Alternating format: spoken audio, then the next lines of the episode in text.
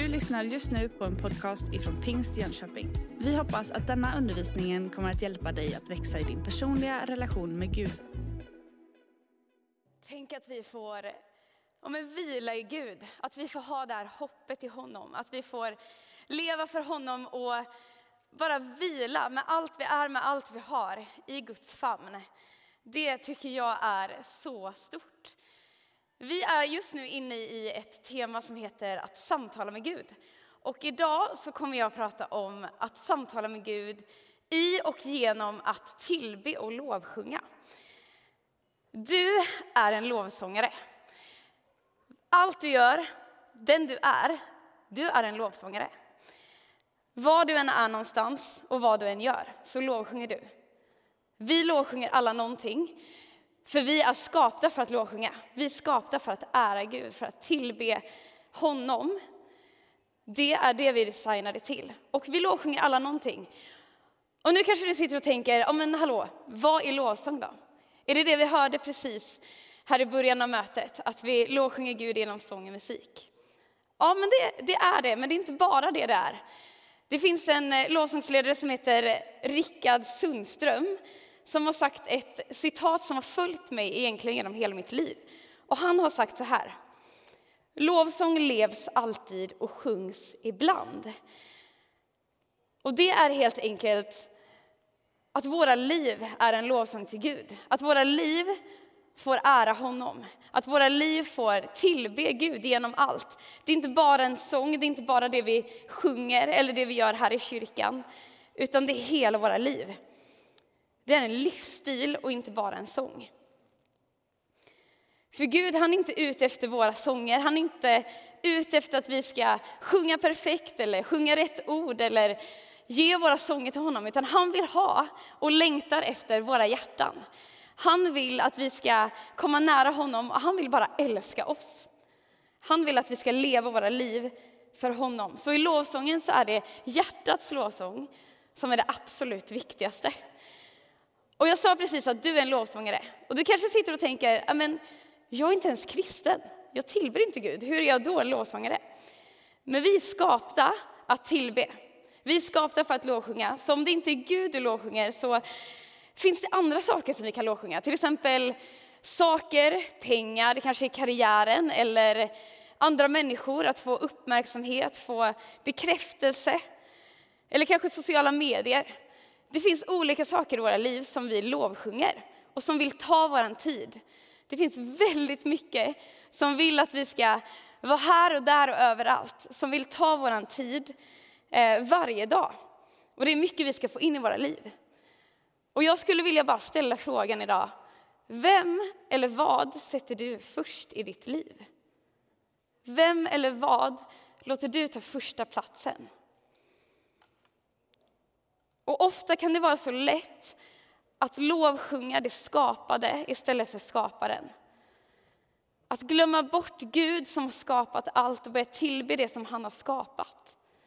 När vi egentligen borde ge allt vi har och allt vi är till Gud som är över allting. Och idag vill jag utmana oss att svara på den här frågan. Vem sätter du först? Att det är Gud som du får sätta först. För ultimat så handlar lovsång om vem vi lovsjunger, vem det är vi tillber. Och första platsen, den tillhör Gud i våra liv. Vi lovsjunger inte för att vi känner för det. Vi lovsjunger för att han är, för att han är herre över allt, för att han är och han, han var och han finns för alltid. Han är alltid densamme, han är över allting. Han är herre över allt, han är Gud över allt. Han är stor och mäktig och han kan göra precis vad som helst. Och samtidigt är han så nära oss. Han är här just nu i vår kyrka och han är hos dig i ditt vardagsrum eller vart du än är och lyssnar på det här. Han är med dig, vart du än går. Den här guden som är överallt, som har all makt, har valt att bo i våra hjärtan, att älska oss och att vi får älska honom tillbaka. Det är lovsång. När vi förstår vem Gud är och att han vill vara nära oss och att vi får ha en relation med honom. Och det är så lätt att fastna i de känslorna, att fastna i, ja, men jag känner inte för att tillbe, jag känner inte för att lovsjunga. Eller jag gillar inte den här sången, eller ja, men idag har jag en tuff dag. Det är så lätt att fastna i de där känslorna. Eller att fastna i, ja, men vad kan Gud göra för mig?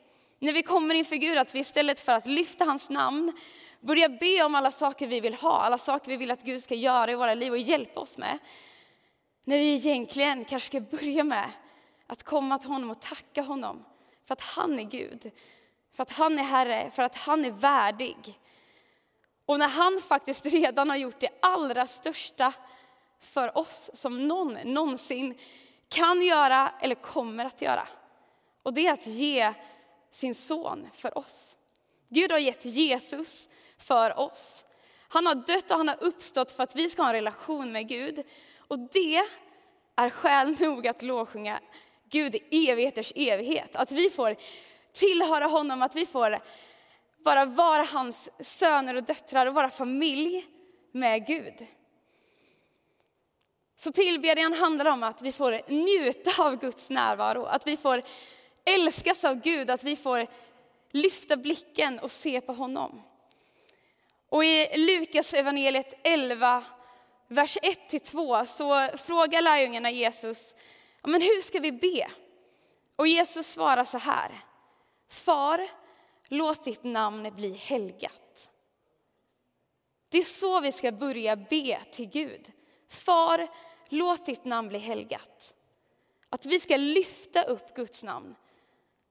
Att han är värdig vår lovsång, han är värdig vår ära och vår tacksamhet. Det är där vi börjar. Och jag skulle också vilja läsa från Saltaren 100, som är en psalm om tacksamhet till Gud och som handlar om hur vi kommer inför Gud i tillbedjan. Och där står det så här. Ropa till Herren hela jorden. Tjäna Herren med glädje. Kom inför hans ansikte med jubelrop. Tänk på att Herren är Gud. Han har gjort oss och inte vi själva till sitt folk och får i sin jord. Gå in i hans portar med tacksägelse, i hans gårdar med lovsång. Tacka honom, lova hans namn, för Herren är god. Evig är hans nåd, från släkte till släkte varar hans trofasthet. Det är våran Gud. Han är evig, han är trofast, han har skapat oss till familj, till får i sin jord, till familj. Och vi får komma inför honom med tacksamhet, med lovsång i våra hjärtan. Och det finns en bibelberättelse i Nya Testamentet som, ja, men som ständigt får mig att börja tänka på men hur, hur lever jag mitt liv? Hur lever jag mitt liv i lovsång? Och som utmanar mig så mycket i att men sätta Gud först, att han får första platsen i mitt liv. Och det är en berättelse om två män som heter Paulus och Silas. Eh, de är missionärer, ute och reser runt och berättar om Jesus. Eh, och Paulus han började eh, med att förfölja kristna. Innan han själv fick möta Gud så var han den som förföljde kristna. Och, men helt enkelt, han var emot Jesus, han var emot de som följde honom. Men sen fick han möta Gud. Sen fick han möta Jesus och fick ge sitt liv till honom. Och från den stunden så var allt han ville göra att gå ut och berätta för människor om Gud och om Jesus. Att Jesus är svaret eh, och att han är Messias.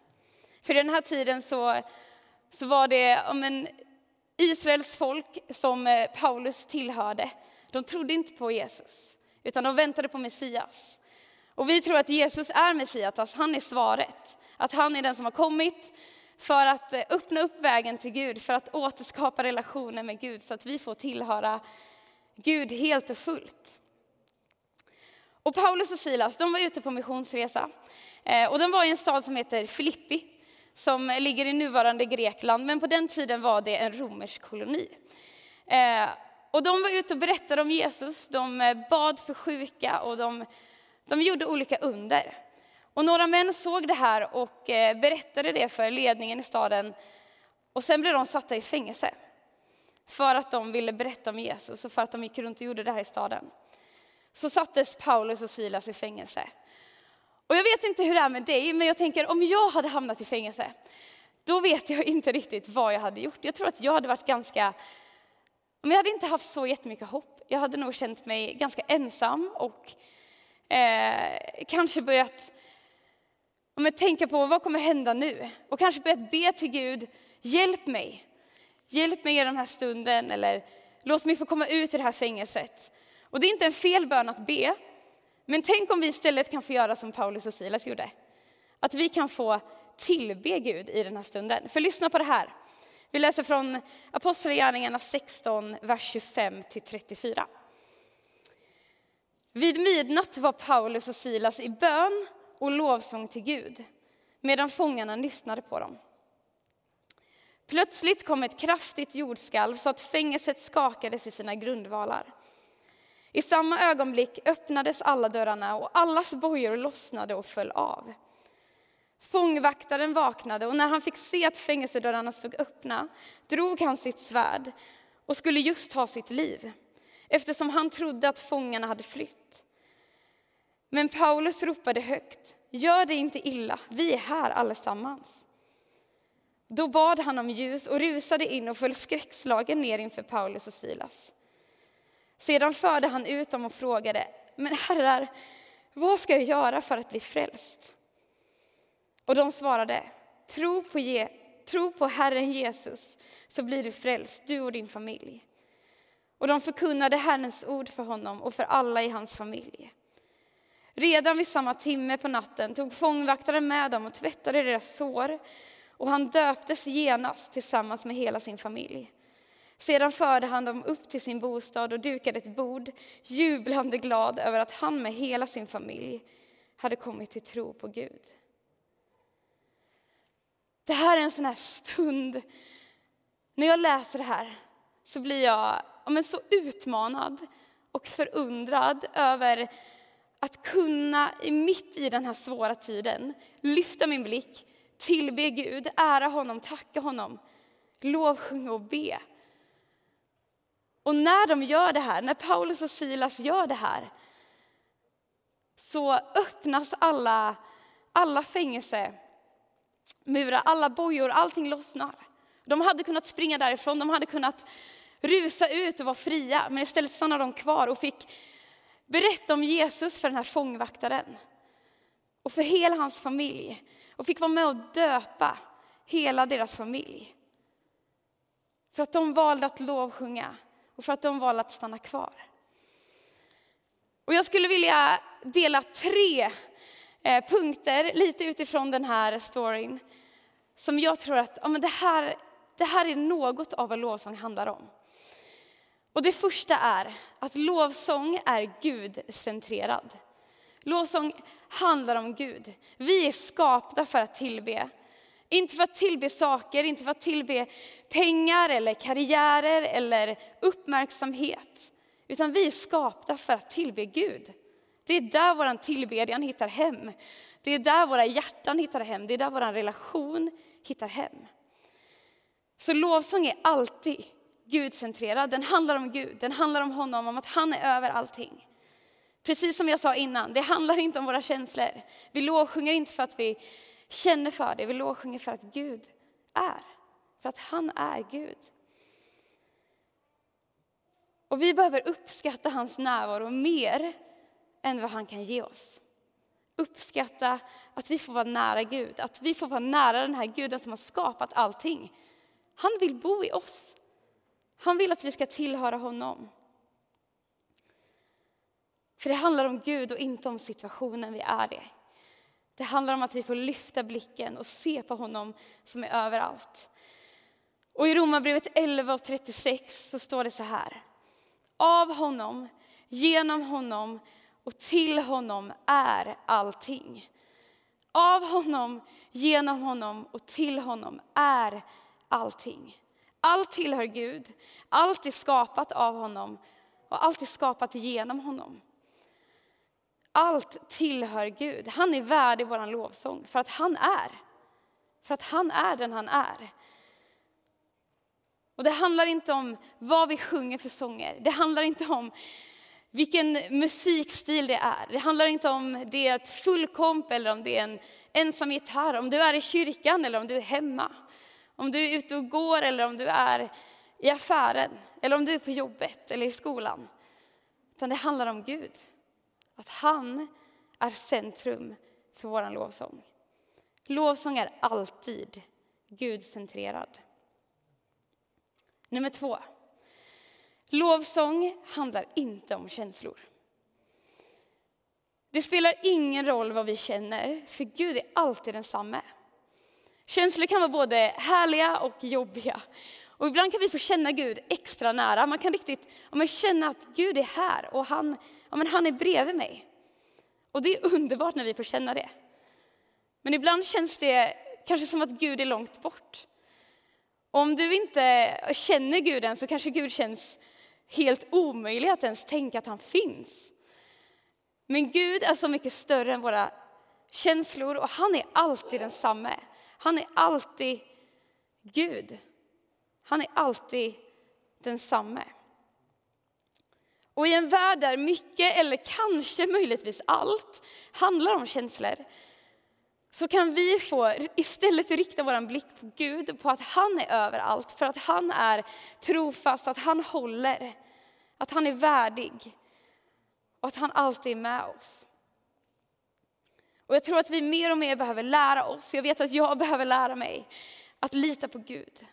Att ha mitt fäste i honom, att alltid stå på hans ord, att alltid stå på den han är. Och inte förvirra mig bort i massa annat som händer. Inte förvirra mig bort i massa känslor. Så låt oss lita på Gud istället för våra känslor. Låt oss lita på den han är. Jag leder mycket lovsång och för några år sedan så var jag på en, ett läger och skulle leda lovsång och första kvällen så tappade jag min röst. Och jag lägger mig i min säng och är så men ledsen och besviken. Jag hittar inte den här liksom, ja, men nu ska jag bara tillbe Gud som Paulus och Silas hittar i fängelset. Utan jag är bara så här, men hur ska det här hända? Hur ska vi, hur ska vi kunna köra lovsången? Vi var inte jättemånga i vårt team, utan vi var ett ganska litet team. Eh, och jag bara kände mig så hopplös. Vad, vad kommer hända nu? Och liksom möte för möte så tappade alla sångare rösten. Till slut hade vi ett lovsångsteam som kunde spela väldigt bra, men ingen kunde sjunga. Men jag har aldrig varit på ett läger på riktigt som har varit så liksom, nära Gud, där Gud har gjort så mycket. Och där fick Gud verkligen visa mig att lovsång inte handlar om att jag kan sjunga, inte ens om jag är den som ska leda lovsång, utan det handlar om mitt hjärta. Att jag har rätt inställning. För jag bestämde mig för, efter att ha bara varit ledsen och, och liksom uppgiven och irriterad och allt det där, att nej men nu ska jag ändå tillbe Gud. Och mitt i det så fick jag se att ja, men det håller. Vi behöver inte kunna sjunga ut de här orden, utan det handlar om våra hjärtan. Det handlar om att vi får tillbe honom från hjärtat, från djupet av dem vi är. Så våra känslor kan inte ändra sanningen om vem Gud är. De kan inte ändra sanningen om vilka Gud säger att vi är i Bibeln. kan inte ändra sanningen om vad som står här, för det är sant. Våra känslor är inte sanna, alltid. Ibland är de det, men inte alltid. Men den som är sann är alltid Gud. Och sanningen är att han alltid är där, att han alltid bryr sig, att han alltid lyssnar, att han alltid är med dig. Och att du kan samtala och ha en relation med Gud genom tillbedjan. Vart du än är, vad du än går igenom, vad du än känner. För sanningen är att han är där.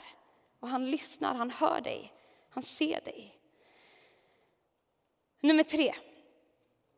Lovsång är förankrad i verkligheten. Det är väldigt lätt att tänka, nej men för att jag ska kunna lovsjunga så måste allt vara perfekt. Allt måste stå upp på rad och liksom, nej men nu är livet härligt, nu kan jag lovsjunga. Nu känns det bra. Men lovsång är förankrad i verkligheten. Den är förankrad i vad som händer i våra liv, här och nu. Vad vi än står i, oavsett om det är på en topp där allt är underbart, där allt är härligt och du bara känner att yes, det här är livet. Eller när du är nere i dalen och bara men kanske ifrågasätter om Gud finns eller bara är helt hopplös. Oavsett var du befinner dig så kan du lovsjunga. För lovsång är förankrad i verkligheten. Vi lovsjunger inte Gud och liksom, men nu måste jag skapa någon slags glädje och falsk glädje i att ja, men det här är härligt, när livet kanske inte alls är så. Utan vi kan lovsjunga Gud med det vi går igenom, med det vi har i våra liv och välja att tillbe honom. Det finns en, en lovsång som heter Desert Song som har en fras i sig som verkligen ja, men påminner mig om det här. Och där står det så här. All of my life, in every season, you are still God. I have a reason to sing. I have a reason to worship. Alltså hela mitt liv, i varje säsong, så är du fortfarande Gud. Och jag har en anledning att sjunga. Jag har en anledning att lovsjunga. Så oavsett vad du står i, oavsett om du är på toppen eller i dalen eller någonstans mitt emellan, oavsett vad du har för känslor, oavsett vad som händer i ditt liv, så kan du lovsjunga här och nu. Mitt i livet, mitt där livet händer. För precis som den här storyn med Paulus och Silas, hur de fick vara med och leda den här fångvaktaren till Gud tillsammans med hela sin familj. När vi väljer att lovsjunga mitt i en jobbig situation så tror jag att Gud kan få komma och förvandla våra liv. Och kanske till och med livet runt omkring oss i andra människor. För när vi väljer, oavsett var vi står i våra liv, att lovsjunga, det är kraftfullt. Där kan Gud göra någonting stort. Där kan Gud bryta igenom på många sätt i våra liv. Så låt oss sätta Gud först i våra liv. Låt oss sätta Gud som nummer ett. Att han får vara över allting annat, att han får vara över alla våra känslor, alla situationer. Mitt där livet händer. Där sätter vi Gud först. Och i Matteus kapitel 6 och vers 33 så står det Sök först Guds rike och hans rättfärdighet så ska ni få allt det andra också. Låt oss vara en församling, en kyrka, människor som sätter Gud först, som söker hans rike först, hans rättfärdighet. För när vi gör det så ändras också vårt fokus. Då ändras också vår inställning och våra känslor. Och då kommer det där andra att falla på plats eller kanske verka mindre betydelsefullt. Och Gud kommer få ta den platsen som han är värdig och som han ska ha i våra liv. För Gud längtar så mycket efter att få ha den där platsen. Gud längtar så mycket efter att få älska dig och att du ska veta att du är älskad. Och just nu skulle jag vilja ge dig tillfälle att få säga ja till Gud om inte du har gjort det. Precis som Paulus och Silas fick leda fångvaktaren till Jesus, fick leda hela hans familj till Jesus, så skulle jag vilja ge dig den möjligheten just nu. Att säga ja till Gud, att säga men jag tror på dig. Det vi kallar för frälsning. Och jag läste här innan, fångvaktaren svarar, men vad ska jag göra för att, för att få tag på det här som ni har? Och då svarar Paulus och Silas, tro på Herren. Tro på Herren Jesus och du ska bli frälst. Det är det du behöver göra. Säg att men jag tror på dig Gud, jag tror på dig. Om du med ditt hjärta tror och med din mun bekänner så är du frälst, står det i Bibeln. Det är allt du behöver. Du behöver inte leva ett perfekt liv, du behöver inte ticka av en lista på saker du behöver kunna innan du kan få komma till Gud. Utan han står där med en öppen famn och vill bara älska dig, vill bara omsluta dig. Vill ge dig det här hoppet vi sjöng om innan. Vi leder den här friden och vilan i honom. Så jag vill ge dig tillfället, om du sitter här i lokalen eller om du är hemma i ditt vardagsrum, vart du än är, att just nu tänka till och, ja men vill du tro på Gud? Vill du säga ja till honom? Så ska jag ta med dig en bön. Jesus, jag tackar dig för den du är. Tackar dig för att du står över allting. För att du är över våra känslor och våra situationer och allt vi är med om, Herre. Tack för att du är större. Jesus, tack för din kärlek som är till för alla. Som finns för oss alla, Jesus. Tack för att du vill ge oss mer av dig själv. Tack för vad du har gjort för oss, att du har gett din son för oss, Gud. Att du har gett Jesus för att vi ska få ha evigt liv, att vi ska få tro på dig och vara nära dig och få tillhöra dig. Och jag ber för, för alla nu som vill säga ja till dig Jesus. Tack för att du ser dem, vart de än är. Tack för att du älskar och tack för att du bara fyller alla dem med din närvaro, med din kärlek, med ditt hopp. Med den du är Jesus. Herre, tack att de får tillhöra dig. Tack att de från och med idag får vara dina barn, älskade av dig och med i din familj. I Jesu namn. Amen.